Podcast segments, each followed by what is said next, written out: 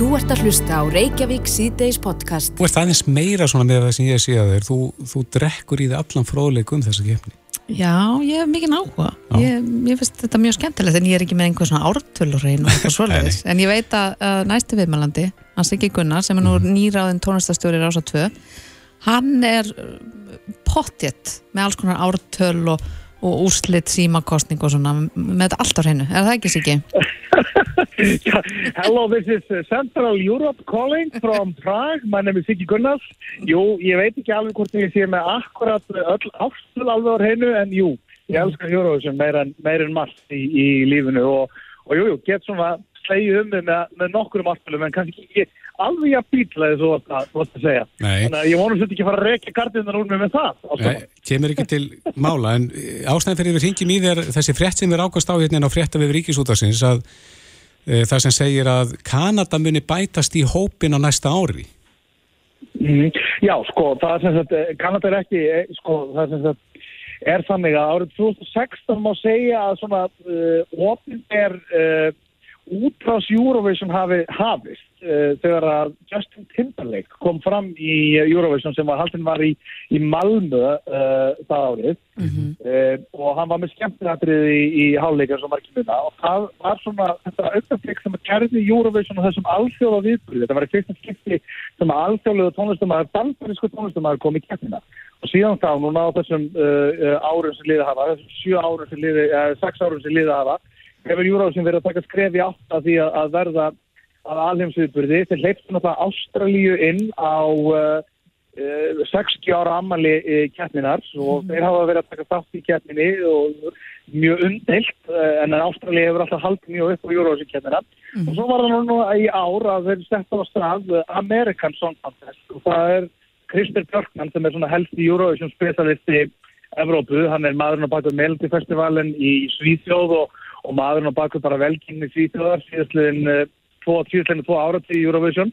Hann er yfirmaður þessu American Song Contest sem að voru staði ár með Kelly Clarkson og, og Snoop Dogg fremstæðflokki og ég verð nú að viðkynna það að, að hérna að ég sem Eurovision aðtátt hefur nú ekki alveg náðu þessu American Song Contest dæmi.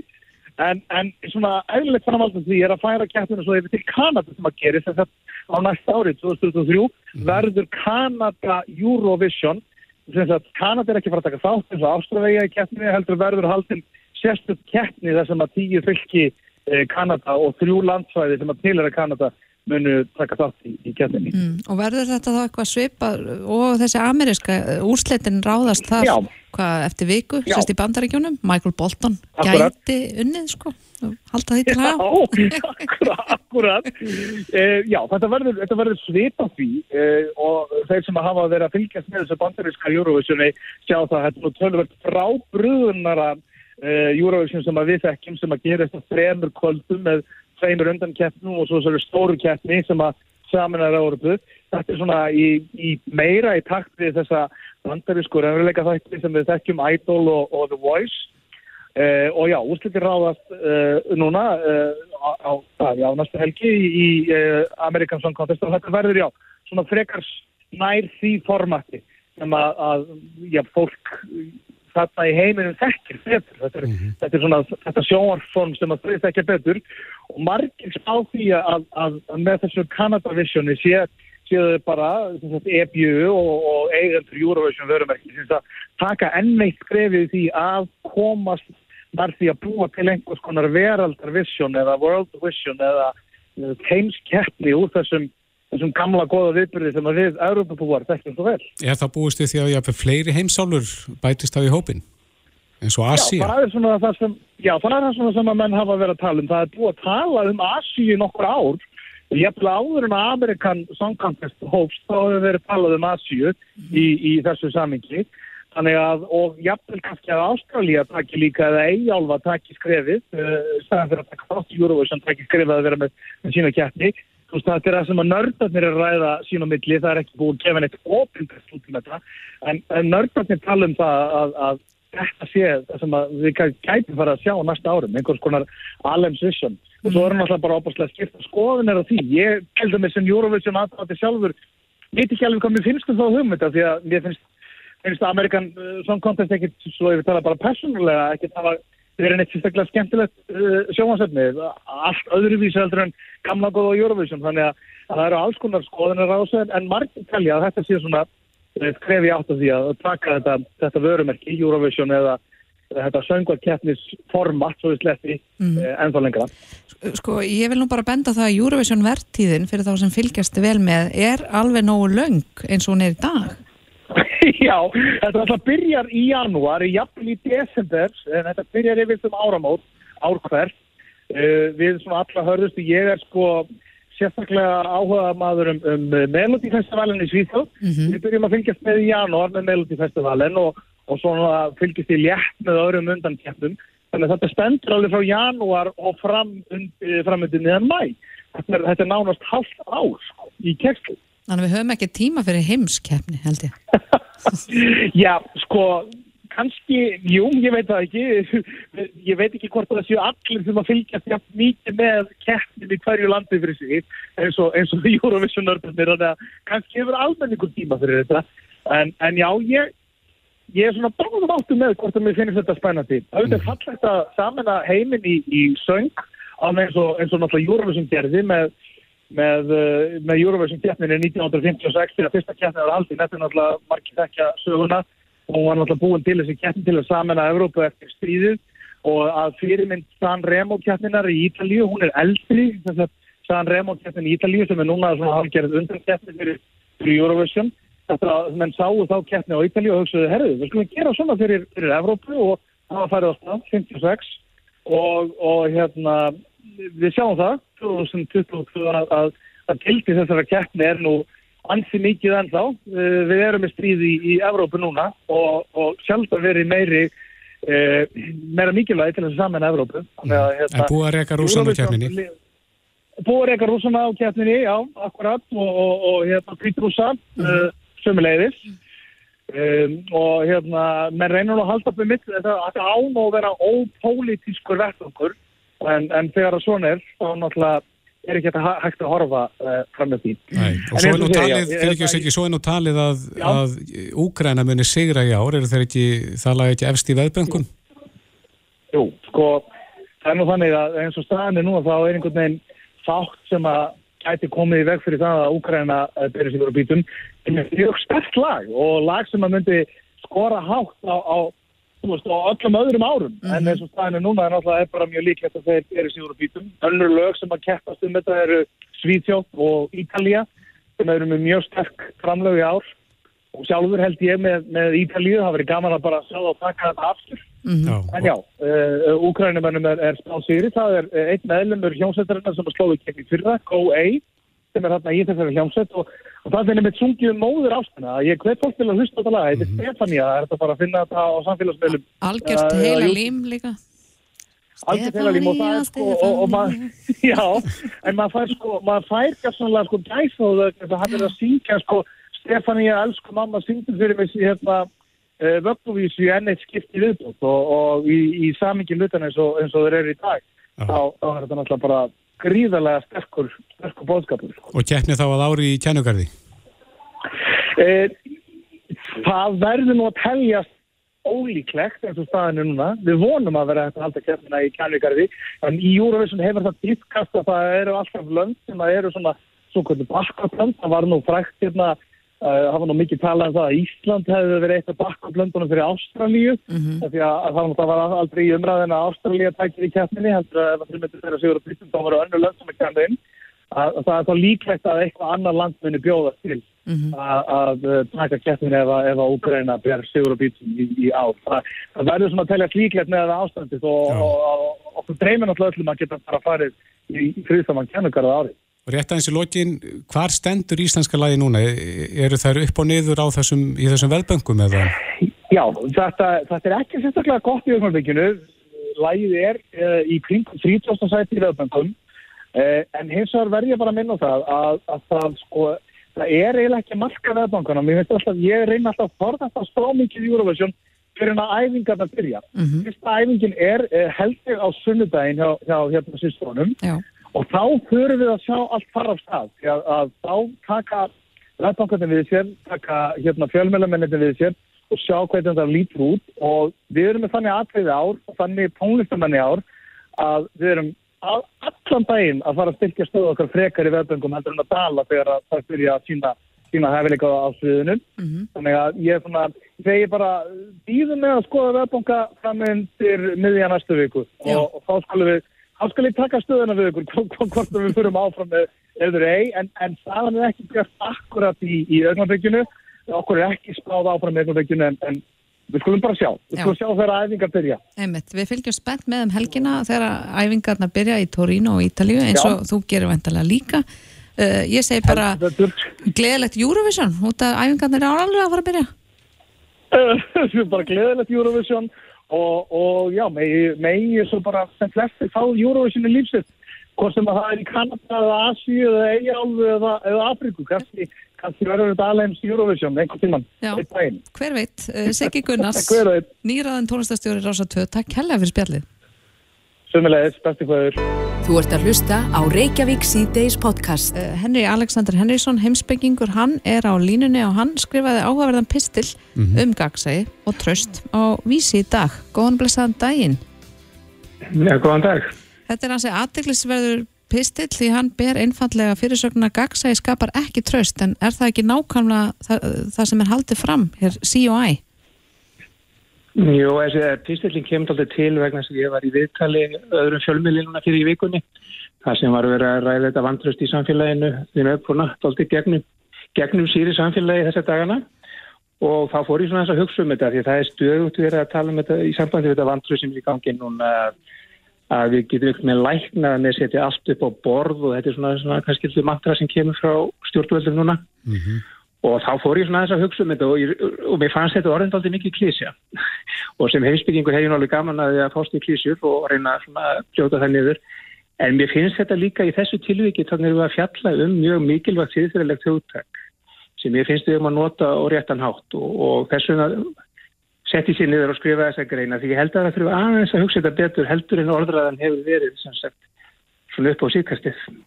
En er þetta veltaði fyrir þarna hvað, hvað hugsanlega skapar tröst ef ekki degsæði? Já, já, ég er að, ég er að reyna að segja þarna þess að tröst fyrir mér er, þetta eru hugdag sem við eigum til að lýsa mjög sérstöku samband í raun og veru, milli aðila og, og, og það er líkil aðri í sambandi við tröst að aðili sem tristir einhverjum, við komandi erum leið að sætta sig við ákveði svona tekningar og upplýsingar leysi. Það er þess vegna sem við tristum einhverjum. Mm -hmm. Maður er svona eins og maður sem við talað um, maður er alltaf berskjaldadur þegar maður tristir einhverjum og maður velur það. Þú leggur tröstið á einhvern. Já og þá er á hínum endunum einhver sem er lítið tröst eða tröstinsverður eða það sem hugtæki sem við notum ofta að við komandi hefur svona trúverðuleika til að bera mm -hmm.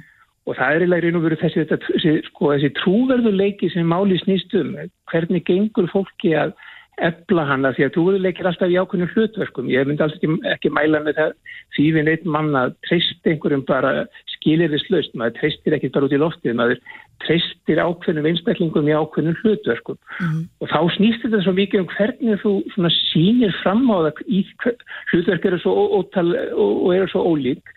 Hvernig maður sínir fram á það hvernig maður, sko, maður, skil, maður skilji hvað hlutverkið sem sett hvað hva, hlutverkið ætlast til að mann í raun og veru mm -hmm. og, og það er sko, það sem ég er að skrifa í greininni snýst aldrei mikið um þetta og ég held að þetta sé miklu frekar svona rót þessu vanda sem við erum núna fást við þetta, þetta, þetta vantröð sem samfélagið aldrei gegn sýrst af mm. að mér svona, fundist margir þeir sem kannski er ekki að njóta mikist tröst núna hafa kannski svona miskís í hlutverkinu ekki kannski samfart fólkum að það hafi, uh, það hafi svona lagt sér eftir að skilja hvaða skildur og viðmið fylgja hlutverkinu.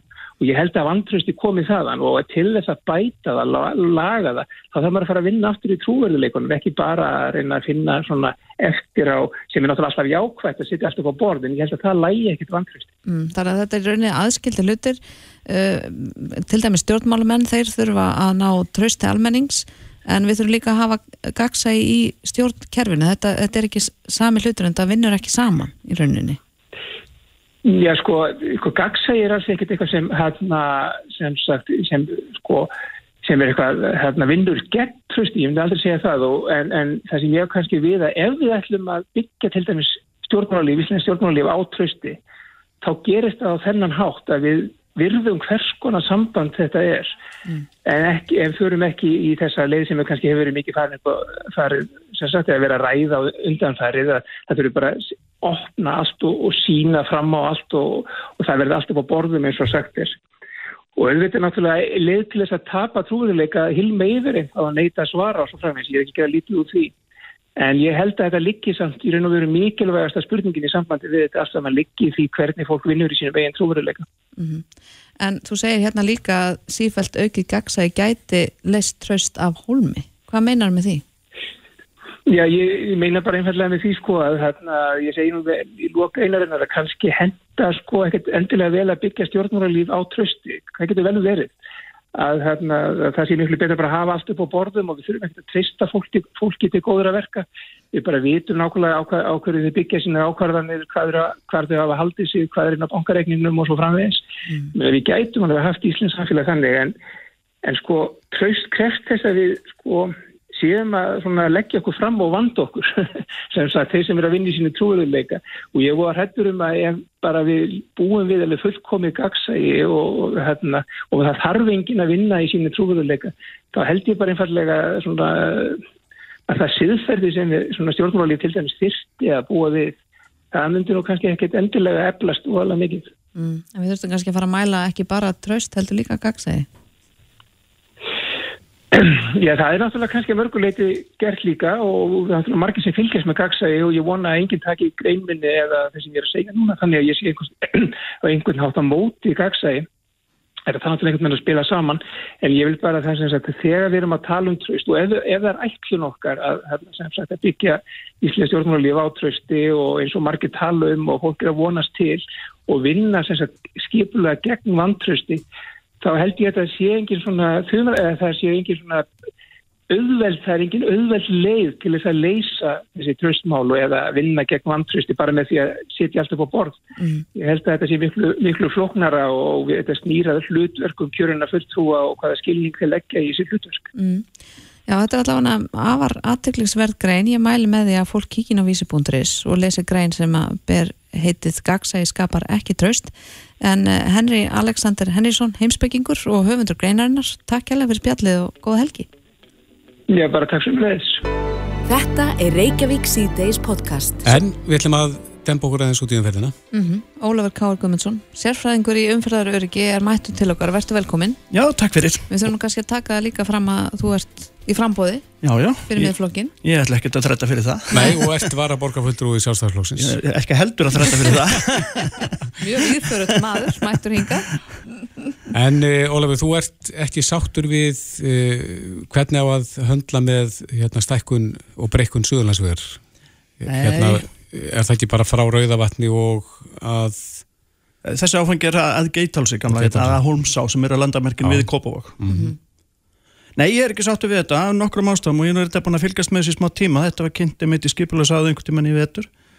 Og svo var núna eh, opinn kynning upp í náleikaskóla bara í fyrra dag það sem er ekki tekið til til þeirra ábendingar sem hafa komið sko. það, ég held að kærni málsins er þá við erum komið eitthvað þann ósið í vegamælinu í Íslandu og við höfum oft séð það áður að að klára ekki hlutina. Þegar við búum til uh, tvöfaldan veg mm -hmm. þá þýðir það ákveðinir hlutir. Það þýðir að vegurum verður 2 plus 2 ekki sett mm -hmm. nú 2 plus 2 vegur þýðir að við setjum miðjurskiptingi í hann eins og við gerðum á helliseiðinni og, og reginnarspröytinni við þurfum að setja öryggisvæði og 2 plus 2 þýðir minnslaði gatnamót. Það er partur af því alveg eins og hér inni þegar þið byggur til þetta stúdíu þá þurftu við tæki tól og mixer og alla, alla mögulega hluti en svo kannski ákveða með að sleppa mikrofónum og láta bara gætla hrátt döga hérna út um gluggan sko. Er það sérst lögmál að uh, þessari breykun þurfum að fylgja mislega gatnamót? Já, það er til þess að ná einhverju út úr hérna, veginu sjálf og þá þurfum við mislega gatnamót og það gerðum við á Reykjanesbyrjunni þegar við tvöföldum hana, það voru allstað sett mislega gatnamót en svo allt í hennu fórum við að hætta því og setja ringtorka, svona vinstri beigju vasa og alls konar dót eins og Suðurlandsveginum. Er það vegna þess að það er ódýrara? Það er bæðið það er ódýra og sumu tilfellum er þetta skipulagsmál en það er aðalega að vera að spara peninga en eh, staðrindin er það á Suðurlandsveginum, umferðin er orðin svona mikil, svo mikil núna að það er útilokað að ringtorkin komið að taka, taka þetta. Þannig að ef við erum með ringtorkin þarna eins og við rauða vatn og norlinga vatn eins og allir vita þá eru þau stíplu nú þegar. Mm -hmm. og þau verða stíplu þó vegurinn sé tvöfaldagur það bara komast bílar að stíplun og stíplunum verða lengri og verri. Ef þetta verður mislagt, nú þá væri ekki vandamál að enga stíplur og menn segja núna, já, við ætlum að setja ringtorkin fyrst og svo gerum við hitt bara setna, það sé ótíma sett og bara einhvern tíma setna og þá erum við að gera tvær framkvæmdir, þannig að það verður tvöfald dýrara og síðan skulum við ekki gleyma heldur almannavarna uh, umræðinni kringum þetta, þetta er rýmingarleið Reykjavíkur í östur og ef við ætlum að rýma Reykjavík þá þurfum við greiða leið austur. Og ringtorkin koma gössanlega til með að stúta því. Þannig að e, það likur við að setja að segja bara með umferðarmagnin þannig þá skulum við bara sleppa því að tvöfald af veginn þannig að til við erum tilbúin með mislega gatnamáttinn það verður gagslust og það er það sem ég fyrst og fremst að gagrina og við sjáum sönnun á vestunarveginum, hann var tvöfaldaður en þar settum við ringtork í staðin fyrir mislega gatnamátt og hvar eru tafirnar á vestunarveginum og slísin á ringtorkunum mm -hmm. Þannig að þegar umferðin er svona mikil og tölurnar um umferðarmagnið á sögnarsveginu þarna eru komnar í það, það segja okkur bara að það er hringtorkið mun ekki döga. Þannig að í daglegu amstri, eh, það sem þú ert að segja, ef við gefum þennan afslátt, svo má segja, við, mm -hmm. við látum okkur næja hringtork og sleppum mislaðu gatnamótum, erum við þá að gefa algjörðan afslátt af umfyrðar öryggi? Já, líka, það er tölvögt að slísum á þessum stað það verður meira af slísum í kringum hérna, kringum mislaðu gatnamótin og þetta er búið að vera á plani allar tíma. Þetta meina í kringum ringtorkin? Já, kringum ringtorkin, það heldur nú mislaðu, það er alltaf miklu meira, mm. fleiri, fleiri slís á, á ringtorkunum heldur en í mislaðu. Mm. Er einhver hlutfell, að við getum átt að það? Það er, nei, ég er kannski ekki með það í kollunum, en en ég veit, bara, ég veit á að maður þarf ekki að kíkja á slísakortina, þá er meira slísum á gatnamótum, eh, á ringdorgum mislan gatnamótum, þá er þetta aðalega bara aftan á kyslur og eignatjón en ekki slís á fólki sem er náttúrulega stóra málið í þessu. Og það er kort hérna af höfuborgarsvæðinu sem er sín vegagerðarinnar á höfuborgarsvæði bara í heilsinni til 2040 og þá eru öll þessi gatnamót sem við erum að tala um hérna á Suðlandsvæðinu mert inn sem mislag mm -hmm. þannig að það liggur alveg í hlutan að segla þau ætti að vera það. Og þá segi ég bara klárum málið. Og ég spyrist fyrir það af hverju er þetta svona? Og svari var já þetta er ekki einu samgöngu áallun og ekki búið fjármagna þetta þegar ég spurði í annars skipti þá að mér sagt að þetta vegna sem Reykjavíkuborg uh, er ekki með þetta inn og skipula hjá sér og vill ekki misla gatnamót. Hvort er satt skal ég ekki segja, um. En af hverju ætti Reykjavíkuborg ekki að vilja misla gatnamót? Það er bara stefnaborgarnu búin að vera undanferð og það er allstaðar, bústæðuveg hérna, Reykjanesbröð, Arnanesvegin þar á ekki að setja mislagt, heldur setja ljós. Það er búin að taka út á skipulagi fullt af eh, hjá Reykjavík misla gatnamót hér og þar í bænum og er verið að því ennþá og þið bara horfið á það undan fyrir 10-15 ár hafa ekki byggð ein einustu mislægatnum í Reykjavík. en, en þau eru byggðið hafnafyrði og, og hérna Kópói En likur ekkit meira á bakvið en, en kostnæður?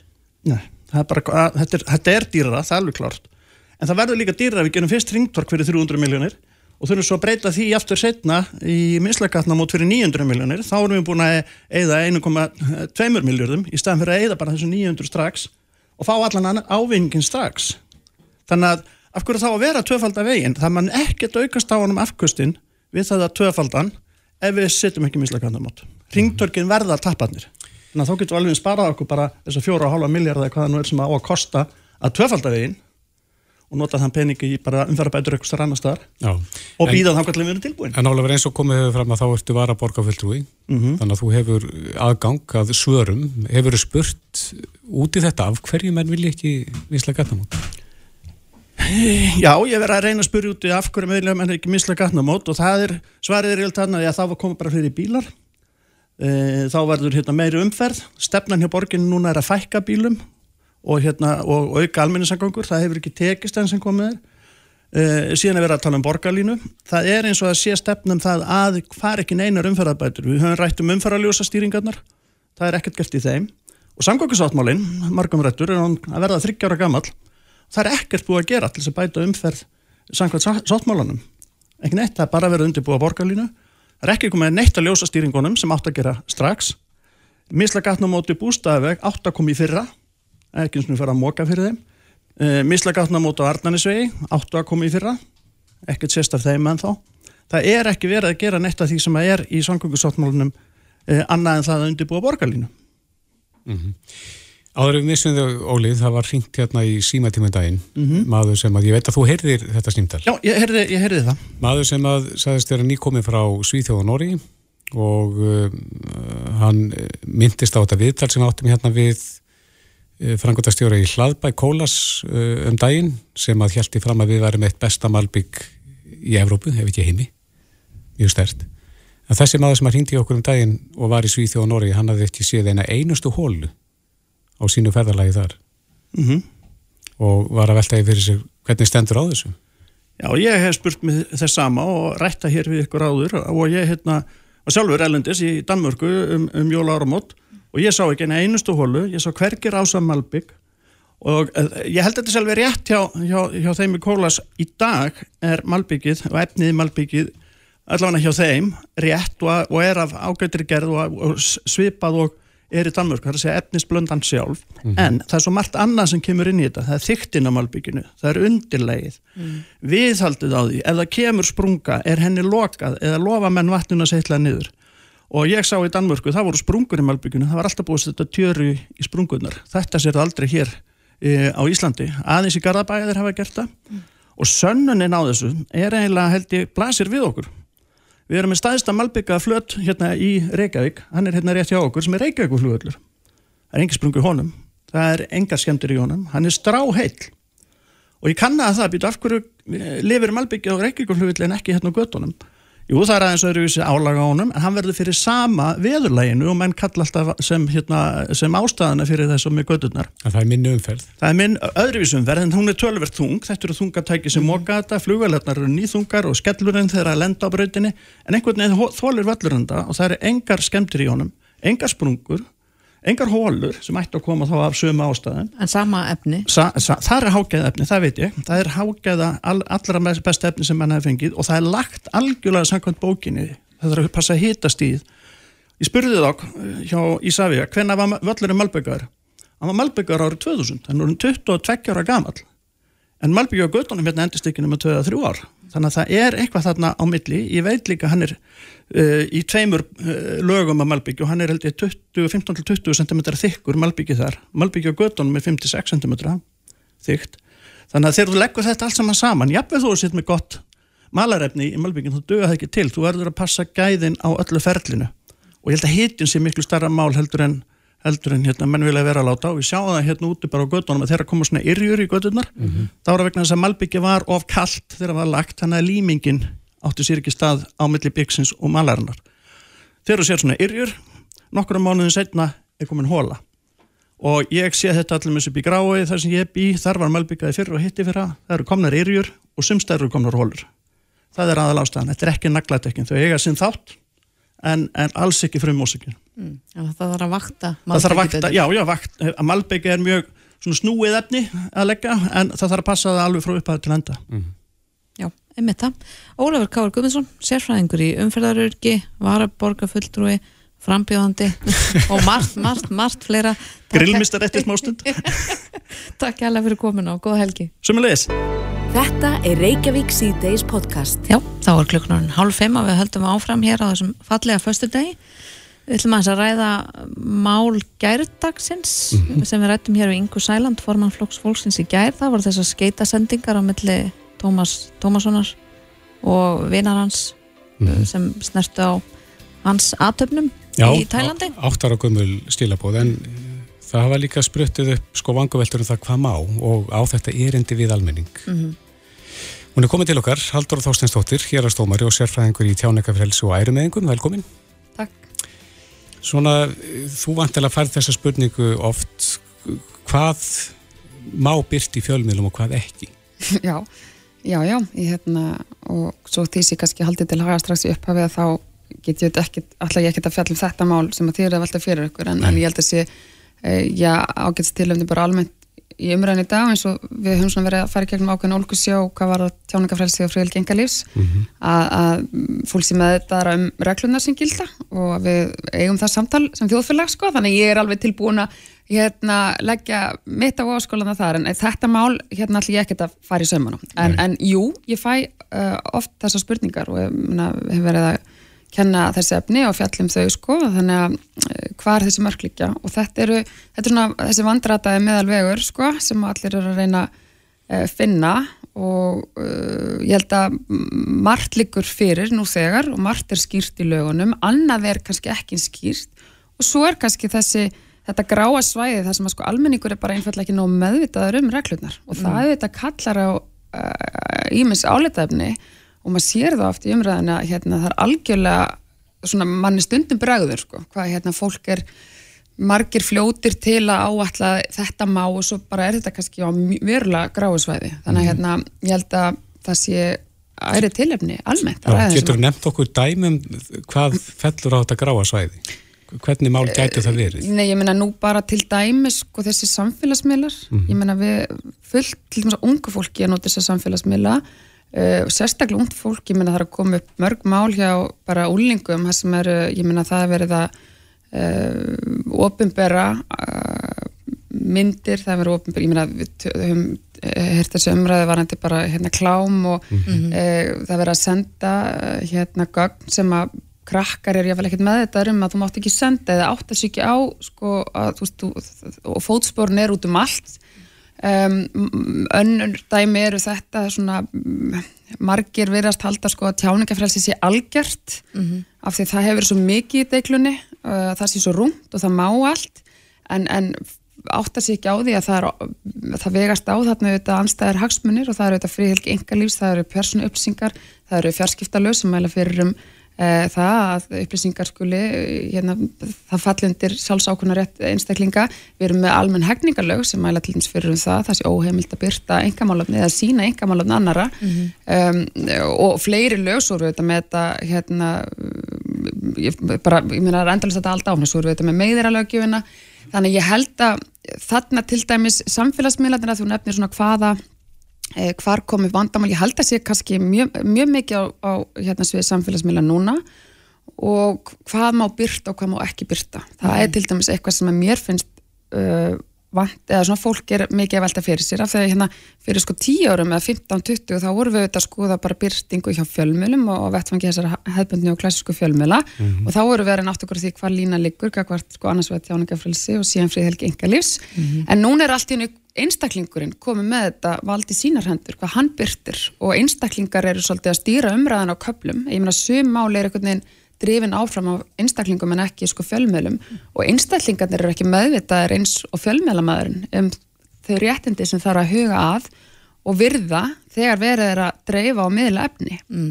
og það er, ég held að sko, það er það sem við erum að kljástu núna er sko hvað mega einstaklingar gera á sínu samfélagsmiðlum og við þurfum að ræða þetta held ég. Mm. að, að, hérna, að því, þetta er ekki lengur bara forræði sko ykkar fjölmjölamanna Emitt, við erum alltaf margóft velt þessar spurningu upp sko, hvað á erindi við almenning? Og það er kannski sama spurning sem þar, sömu spurningu þarf að svara með samfélagsmiðlana sko, hvað, hvað þólir dagslega samfélagsmiðla, en skiptir máli sko, hver eru person, personur og leikendur til dæmis, skiptir máli hvort erum að fjallum um, stjórnmálamannisku mm -hmm. eða einhvern sem er í atvinnlífinu eða mm -hmm. bara einhvern út í bæ sem er hérna skokka framjá Já það skiptir verulega miklu máli. Er viðkomandi búin að vera umræðinni gegnar hann einhverju, ég minna er hann í ofnbjörnstöður er hann stjórnmálamæður, er hann alþengismæður hefur hann sko með framkomin sinni eða framgangi í ofnbjörn umræðu gert sér svona skótspóni gaggrinni og þar var hann þá að þóla um sig harkarleiri gaggrinni heldur en aðri þurfa að þóla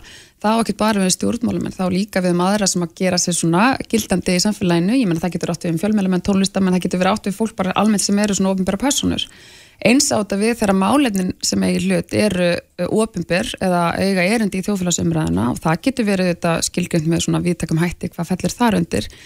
Um, þessir einstaklingar þurfa að þóla meira uh, og þessi málefni, þeir sem að koma þessum uh, málefnum þurfa að þóla um sig meira uh, en, en svona hinn almenni borgari sem er út á skokk eins og þú segir sko, þú veist að hittir síðan annað að jafnvel þeir sem eru uh, framalega umræðinni og ofinbæra personur, stjórnmálamenn, ráþeirar geta þurft að, e, þrátt fyrir það, þurfa að þóla þetta að þá eiga þeir samt líka engalíf. Hvað er líka mörgin það? Það er nefnilega, þetta er, er, hefur auðvitað verið, hef, hef, hafa þjóðunar verið að kljást við og við erum auðvitað með mannrætta sáttmálan og við erum með mannrætta dómstólinn sem hefur verið leiðandi í því að skilgrina þetta, það hefur auðvitað reynt tölverst á þetta líka hérna heima.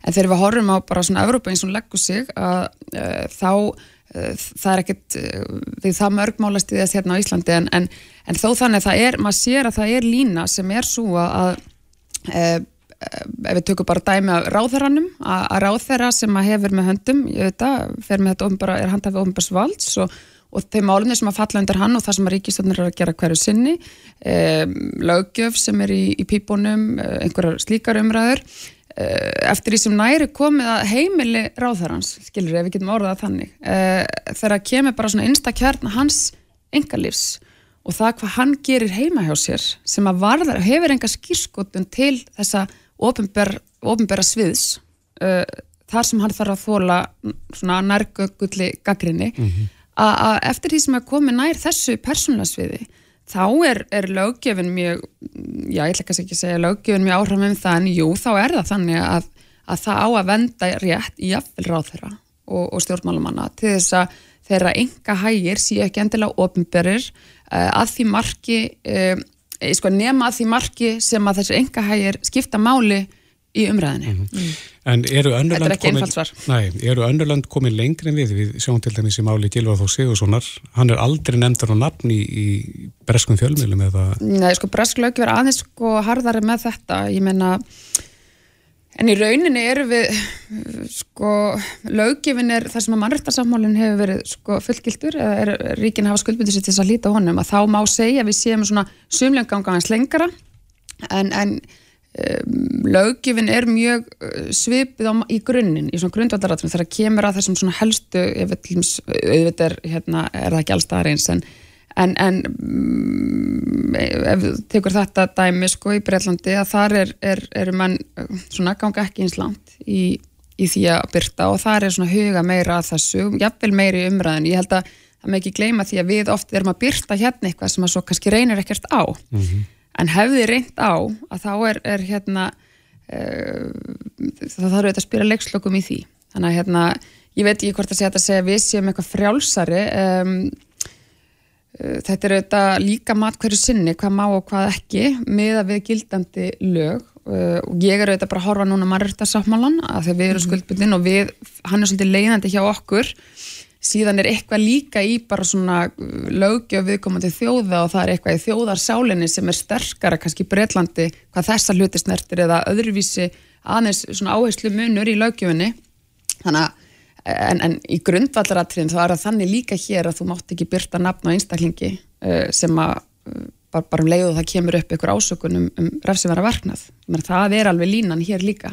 Mm -hmm. en það er bara þegar síðan málinn þróast og, og, og það líður dagur og líður annar dagur og, og það er kannski komið meiri tenging við eitthvað mögulega refsivara verknað eða málefnið er orðið mjög ofinbært og og ratar í umræðuna þá svona vikar út smátt og smátt svigrumi til þess að mögulega fara að nafngreina. Mm -hmm. en, en meirreglin er svo þetta hér að, líka að hérna við eigum ekki að nafngreina bara um leið og eitthvað einhver rafsiverður eða, eða uh, ámælsfyrir aðbyrgu gerist.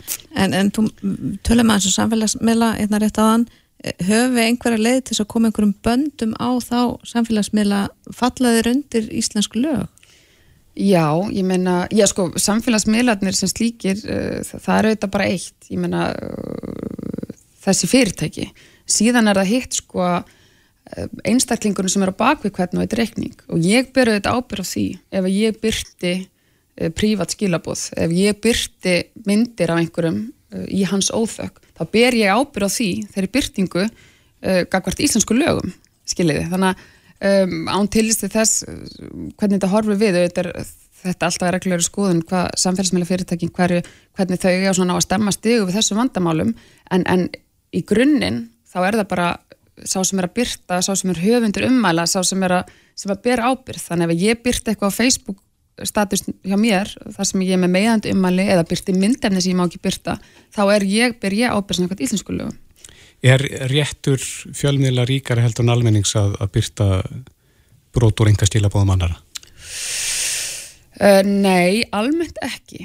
Almennt ekki, en um, re, sko, fjölmiðlarnir búa við það að þegar síðan kemur að því að fjalla um fréttir þá er þetta hvað og er þetta til almennings eins og þið þekki bæður bara fjölmiðlulegunum, uh, síðarreglunum og bara eitthvað verklagsreglum. Að hérna, þið fjallið ekki um, um eitthvað sem hefur enga þjóðfélagslega skýrskotun þannig að sko það er kannski meira verklagið hjá ykkur uh, tryggir betur að það sé ekki farið á svig við reglunar varandi byrtingu á enga málöfnum um, þannig að það má segja líklega er það sjálfnar sem, sjálfnar sem kemur upp að fjölmiðl gerist betra því að brjóta gegn friðhelgi engalís annars einstaklingarnir hafa ekki þetta sama uh, hliðverslu hlutverk eða, og kannski ekki eins með þetta eru reglunar þannig að, en, en í grundvallar atriðum er, eru reglunar eins, hvað var þar það að hérna, þú mátt ekki byrta enga skilabúð, þú, ég menna það er bara refsivert að byrta enga skilabúð gegn vilja þess að sendir til dæmis bara myndir eða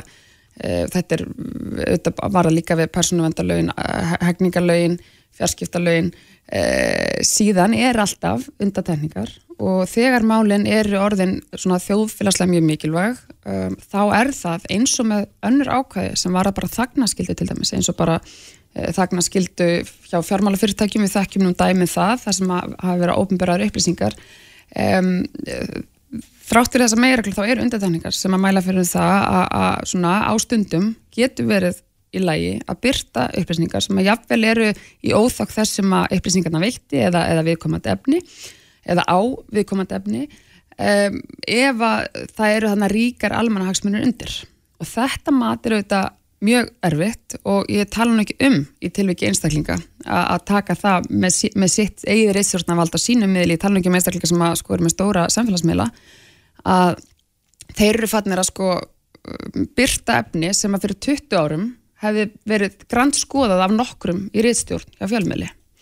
En í dag er, er reitstjórnavaldi kannski ein manneskja og þar ertu auðvitað alltaf með, ég menna að finna þennan svona vandrataða meðalveg er miklu örfiðara og, og hérna þannig ég held að við mögum og er á engan halla þegar ég segi það, ég held bara við verðum að vera aðeins með þetta í rumita og, og við þurfum líka bara við lögfræðingar að fjalla meir um þessar reglur af því að þetta er þetta er bara, það er algjör bylgja í, í samfélagsmiðlunum, ég held að það sé ekki þetta, ég, ég er kannski gamaldags en, en ég held að við séum vel sammálið það að hérna, þetta sé eitthvað sem við sáum kannski ekki alveg fyrir að, að hérna, fólk tjáu sig bara nú orðið þarna og jáfnvel meira þarna heldur en í fjölmiðlum.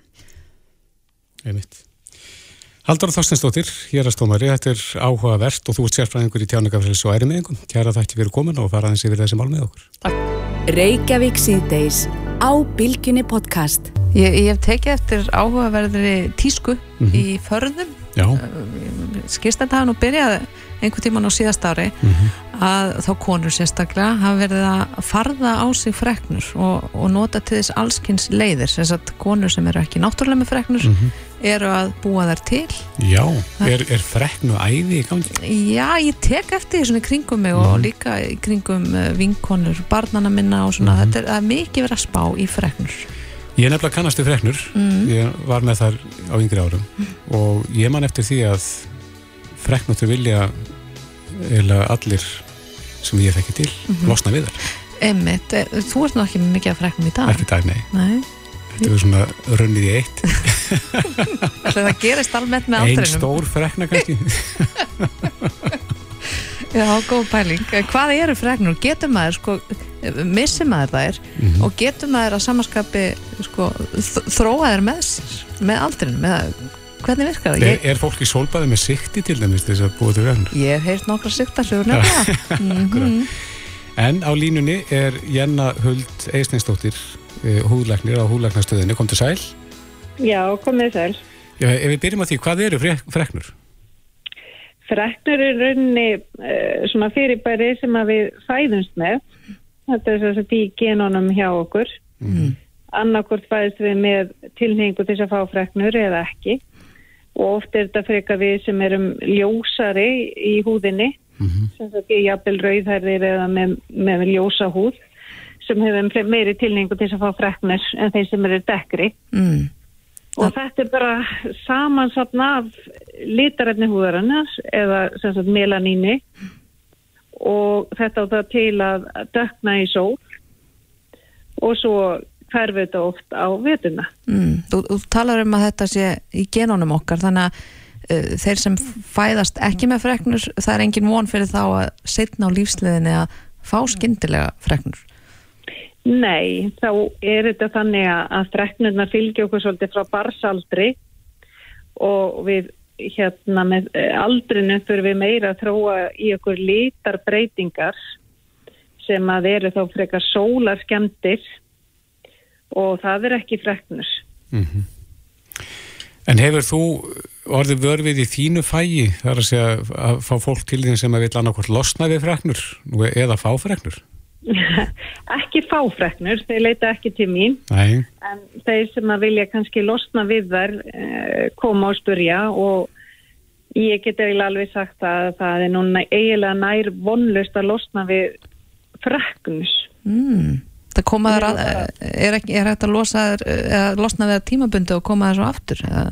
Já, það er nefnilega þá kannski getur maður minkað þetta með leysirum til tímabundið en um leið og við komum til fyrir aftur í sól eða eitthvað svo leið Mm að þá er sterk tilneying til þess að koma aftur.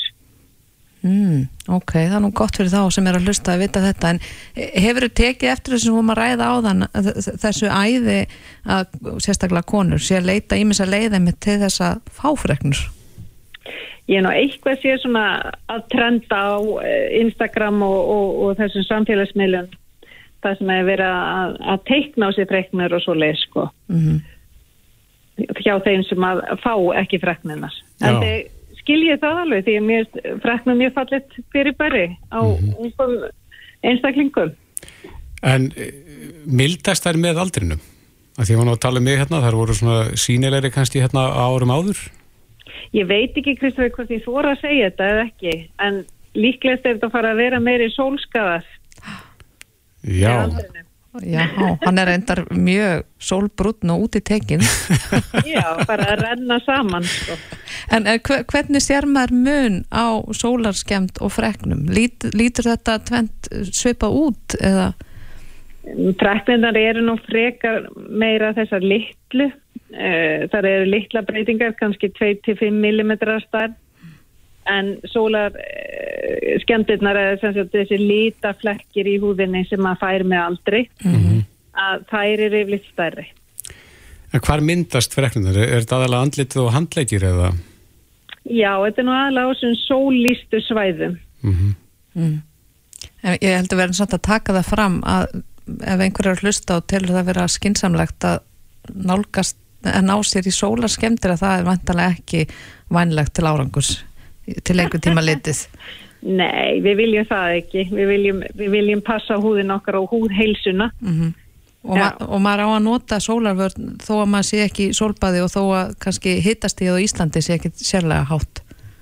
Nei, einmitt, það er það sem er svolítið erfitt með Ísland að uh, við Íslendingar erum kannski ekki að gera okkur grein fyrir hver sólinn er sterk af því að lofthittin er svo lítill en sólinn til dæmis núna er svona jafn sterk og í ágúst Já.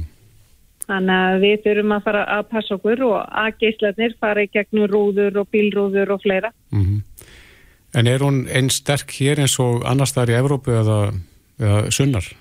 Nei, nei, sólinn er náttúrulega ster sterkust við miðbögin Já Já, þannig að, þannig að hún veldur ekki eins miklu skada á stöttum tíma hér eins og þar. Já, ekki, ekki eins miklum, Nei. en þetta er sama sólinn. En Íslendingar eiga til að vilja drekka eins mikla sól í sig og þeir geta á stuttum tíma á meðan og gefst. Já, þetta er sem sagt svona hegðun sem að þeir er svolítið þekkt fyrir okkur sem búum norðarlega, sem sagt fyrir Skandinavi búa og Íslendinga og fleiri. Uh, og við höfum séð það í rannsóknum að svoleiðis hegðun er mjög uh, áhættusum Mhm. fyrir upp á að þá þróa með sér svo stæðsli síðar á æðinni. Að þegar Lilja nefndi hérna sólarvörn á þann, hvað á hún að vera sterk til þess að hún virki? 30. Ekki undir 30? Ekki undir 30. Er, er þá ekki ágætt að bæta við að uh, fyrir þá sem ekki vita, þá verður maður sólbrútt þó maður noti sólarvörn. Já, sko, það kemur náttúrulega alltaf eitthvað smá litur í gegn en við erum aðtúa það af hverju verður við sólbrún.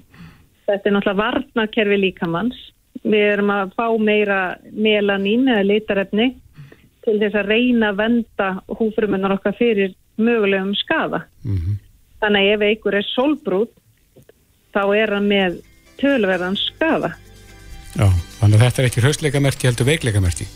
Þetta er einmitt svolítið svo, það er vel orða hjá þér. Já, já. Janna Huld Eisteinsdóttir, uh, Já. húðlagnir á húðlagnarstöðinni. Kæra þakki fyrir þetta og góða helgi. Takk fyrir. Sömu leiðis. Bless, bless. Reykjavík síðdeis á Bilginni podcast. Ég tek þessari grein fagnandi, það sem er svo oft verið að benda mér á að vera ekki svona hókin. Mm -hmm. Sita bein Já, rétt úr þér. Já, Mhm. akkurat. En það er, er það ekki bara fínt? Já, að ganga beint?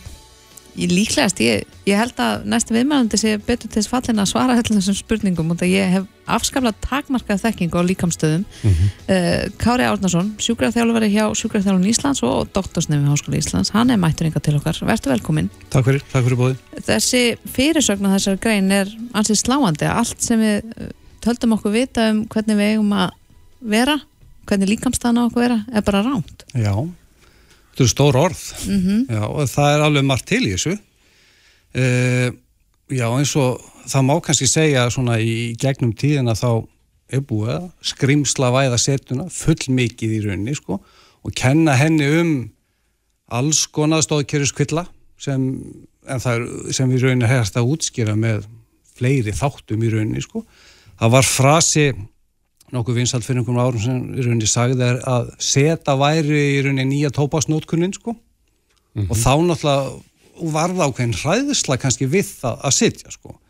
Og fólk fór að skella sökin á, á setunum fyrir alls konar bakvillum, hausverkjum uh, hálsóþægndum og hitt og þetta í rauninni sko.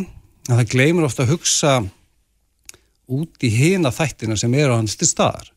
Og aftur ef við eins og ég spyr gjarnan mína skjólstæðingar sem vinna skrifstofustörf í rauninni, hvað fylgir langvarðan til setu? Það er engin reyfing mm -hmm. og það er rauninni miklu stærri partur af vandamáli að þú ert ekki að reyfa þig sko, út af því að það er ekkit að því að setja það er ekkit að því að setja hókin eða í rauninni með krosslaða fætur eða hvernig sem við viljum setja það er rauninni bara fyrst og fremst tímin sem við eigðum í ákveðnum stöðum í rauninni sem skiptir miklu meira máli heldur en staðan akkurat. Er það að vera hókin, er það ekki slæmt? Um, ekki eitt og sér, en ef þú aftur, ef þú setur mikið og lengi hókin, mm. þá getur það kannski yfir tíma að fara að valda einhverjum óþægendu út af því að þetta er staðan sem þú eigður mestum tíma í. Ef við tökum svona dæmi, ef þú, ef þú vinnur skrifstofu, vinnur við tölvu, átt að til að setja hókin þar, er þetta ekkert sérstaklega meðutuð eða meðutuð um að standa upp og, og reyfa yfir daginn, sérst hérna í bílinu og eins og við vitum, bílsæti eru ekkert alltaf þægilegs sæti í verðun og maður situr kannski aðeins hókinn þar svo kemur heim, þú veist, lúin, hendir þér í sofan horfir eitthvað á Netflix situr hókinn þar þá erum við kannski komin með hvað er hún að segja 50, 60, 70% af tíman sem var það búin að vera vakandi sem þú eigðir sitjandi í hókinni stöðu en þar er henni setstaðan sjálf er ekki alls aukutólkun, það er bara tímin mm -hmm. tímin sem þú veist að eigða í mm. þessari sitjandi stöðu, þessari hókni stöðu þess besta setstaðan, besta líkamstaðan er unni svo næsta. Þú sért bara meðvitaðum að breytur, breyta reglulega til. Mm -hmm. En, en hvað, svo heyrir maður rétt úr þér, sittu bein eða bein mm. og, og allt svo leiðsk, en hvað er að sitja bein? Það er stór spurning, hvað er að sitja bein? Sumir sko, eh, sumir taka þessu full bókstæðlega fara í það í raun að sitja í ákveðinu fettu, rétt alveg spenna úr sér, keira herðablöðin saman jafnvel hökuna upp í lofti og eitthvað svona, þá ertu hérna komin bara á, á hinn endan á, á, á kurvunni í rauninu, þá ertu fann að eigða, við erum ákveðna vöðva sem náttúrulega taka okkur í fettu, keira hörðablöðun okkar saman og svo leið sko, þá er þeir mögulega farnar að vinna allt og mikið, í rauninu, aftur ef við eigðum óþarlega miklum tíma, erum óþarlega upptekinn af því að setja bein í rauninu sko, en það getur í sjálf að að öðruvísi vandamál, óþæg, spennu og það í vöðunum í kringum herðablöðun, í kringum hálsinu út, við erum alltaf að keira herðablöðun saman en alltaf nota þessa vöða bara í stanslösi vinnu sko. Og ég líki þessu gætna við sko ef við myndum bara kreppa nefan og halda í nefanum kreftum í x tíma þá skiljaðlega á endanum verðum við þreytt. Út af vöðvanir sem kreppa nefan eru bara í stanslösi vinnu. Þannig að það má líka því við þessa tilhengu fyrir fólk til þess að setja í leiðum, ég segja stundum innan gæðslega bara setja beint, þú ert komin raunni keiri brjóskassan fram, herðablöðin saman komin alveg út í, í hinn endan, mm. sem er ekkert já, mm -hmm. ekkert sérstaklega endilega betra sko. En erstu með eitthvað ráð fyrir þá sem að vilja uh, bæta líkamstöðuna vera réttari Já Hvað, er þetta, þetta vennið sig, er þetta æfa sig? Já, þetta, þú veist, þetta er bara meðutund, þetta er fyrst og fremst bara meðutund og tilfinningin hvar líka með náðér er ef við leiðum að sletta in, in space í rauninni, þessi svona líkamsvitund í rauninni og það er vel hægt að æfa það sko mm -hmm. og fá tilfinningu fyrir því einmitt, þú veist, setbeinin, siti á setbeinun sem eru í rauninni það er hægt að þreyfa þau bara með því að setja hendunar undir raskinnar og finna tvo beinabba sem eru unni sikkur með yfir rassin mm. og svona hagkomasta leginn til þess að sitja er að sitja með þungan á setbjörnum þá eru meiri líkur en minni að restina hryggsólunni, axlir, háls og höfuð detti í þessa svona hagkvæmi stöðu. Og það er eitthvað sem sem á að vera afslöpuð. Já, sem á að vera tiltölu afslöpuð af því að, að sitja er á að vera svona orgu sparandi ástand. Og, e, og það er aftur eitthvað sem ég fann að nota gerðan með mínu skjólstangu. Ég hættur að tala um eitthvað sem er rétt og eitthvað sem er ránt heldur bara hvað er hafkamast út frá því sem þú vilt og þarft að gera í rauninni sko. Út af því að setja á að vera bara til dæla þægilt, þau eru þreytt og setjast þau niður og það er þægilegt en aftur á móti eh, eins og aftur í tekstum dundur sem dæmi spyr ef við erum að keira til þess bara norður til agurir hvað er það eiginlega sem allir gera á leðinni stoppa í staðaskóla. Og hvað gerur þú stoppa í staðaskóla? Þú stendur upp og tegir úr þér í rauninni út af því að þú ert búin að setja allan annan tíma sko. en eh, já, oft, já, fólk getur alveg eftir það. Og þetta er bara snýstum að fatta í rauninni, bara því oftar sem þú grýpur þig við það að vera kannski í einhver óhagkamri stuð því betra í rauninni Svo er eitt triks sem að kenni gærna fólki sem er með hálsóðaþægindi sem það tengir við þessa hoknu stöðu er að þegar það setur í, sest inn í bílinn sinn að rétt úr sér finna ok, ég set á setböðunum og stilla baksinni speilin út frá þeirri stöðu. Mm. og þá ef þú legur niður þá breytist í rauninni kontaktpunkturinn í baksinni speilinu þá er þetta svona áminning, ok, aftur upp en þetta er að sama líka með í rauninni margir sem vinna, við séum að þú ert með fartölu fyrir fram að þig. Mm -hmm. fartölur, hæ, þú veist ef við erum að vinna á fartölu þá er alltaf miklu meiri tilnefing til þess að horfa í rauninni niður. Og þegar við erum að horfa niður þá er alltaf meiri tilnefing til þess að leka niður í þessu hóknu stöðu. Þannig að skjáhæðin getur, við, getur verið þáttur sem við getum breytt og þá er það ámenning um að rétta, rétta aðeins úr okkur en ekki rétta og mikið úr okkur sko Flotti punktar til að taka með inn í helgina fyrir okkur sem viljum rétta hans úr okkur, vera aðeins ganga aðeins betni um lífið. E, Kári Átnarsson, sjúkvæðarþjálfur hjá Sjúkvæðarþjálfun Íslands og doktorsnemi við Háskóla Íslands. Kæra þakki fyrir komin á góða helgi. Takk fyrir.